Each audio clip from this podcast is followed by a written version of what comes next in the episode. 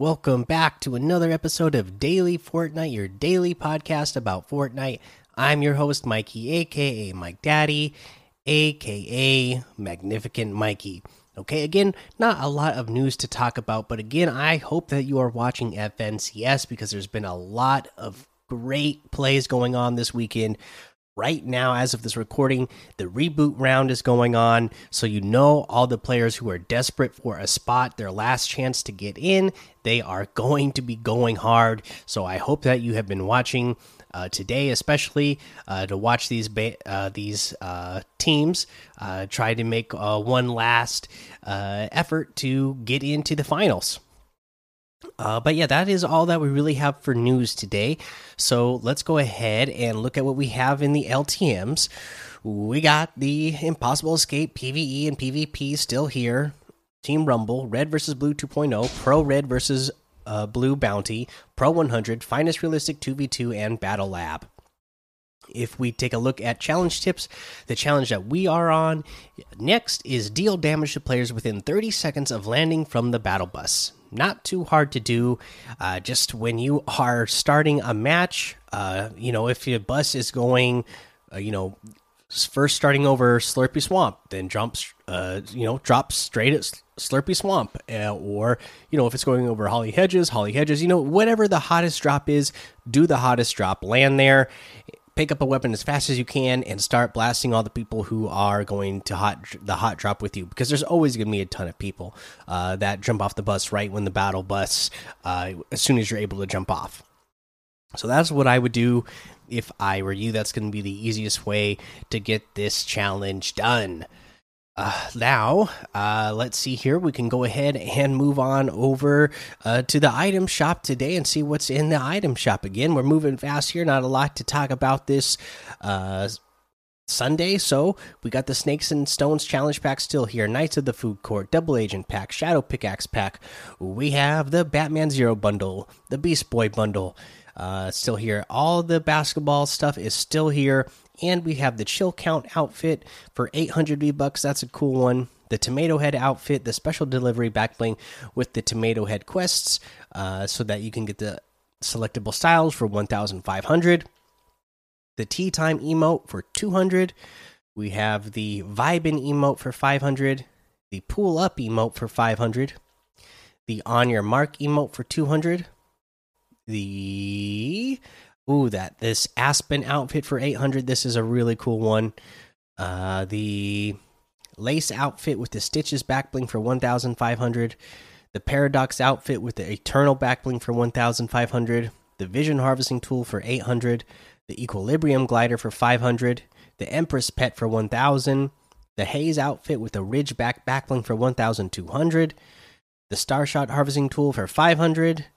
Let's see here. We also have the uh, light cycle glider for 800 that's a great glider. Gotta love it. I uh, you know i love uh, uh, Tron, so you know I love this stuff, and I also love all the outfits that they have in here. These are all you know Tron inspired outfits. They're just a bunch of different character models. They're all 1,500 each. They each come with the Identity Disc backbling and Identity Disc harvesting tool, 1,500 each. So definitely get whichever character model is your favorite and get in there and play with these. They are pretty awesome looking, if you ask me. All right, that's your item shop today. You can get any and all of these items using code Mikey, M M M I K I E, in the item shop, and some of the proceeds will go to help support the show. Of course, we want to talk about our tip of the day now. And again, we have shockwaves and bouncers back in the item shop. I mean, not back in the item shop, back in the game right now for the week. And again, I'm going to give you a tip on how to rotate farther or just travel farther uh, with the shockwaves and the bounce pads uh, combination. So what you're going to do with this is you're going to build a ramp and ramp up however high you want to. Okay. And then when you get to the top of your ramp, however high you want to build it, even if it's just one ramp, uh, you're going to build a wall at the top of the ramp, and then you're going to bounce. Uh, you're going to place your uh, your bounce pad on that wall, and then you're going to stand on the ramp and above you you're going to make a cone. So you're going to cone yourself. So there will be you'll be standing on the ramp. There'll be a cone between you and the wall that has the bounce pad on it. Now you're going to turn around so that you're looking at the opposite direction of the wall. You're going to throw the shockwave grenade down at the ground so that way when the shockwave grenade goes off you will be launched towards the the bounce pad wall. When you for some reason I don't know why, but the physics of this it it still sends you farther. So you're going to throw the shockwave grenade on the ground. You'll end up breaking the cone, and you will also break the bounce pad wall. But you will get the effect of the shockwave grenade and the bounce pad wall together to keep going uh, in that in that direction. But you're going to go like four times farther than you would have normally if you just shockwaved or if you just did uh, a bounce pad. So that's a great way to get really far really fast. Uh, that's your tip of the day. That's going to be the episode. So make sure you go join the daily Fortnite Discord and hang out with us. Follow me over on Twitch, Twitter, and YouTube. It's Mikey on all of those head over to Apple Podcasts, leave a five star rating and a written review for a shout out on the show. And we got a couple or a few to do here today. So let's go ahead and do this one first. This one from Alex577 said, Hi, I listen to your podcast every morning and I really love them. They give me loads of information about Fortnite. Please, could I have a shout out? My YouTube is Alex577 and my Twitch is Alex57709. So there you go. Thank you, Alex577. Really appreciate it. Go check his YouTube and his Twitch out.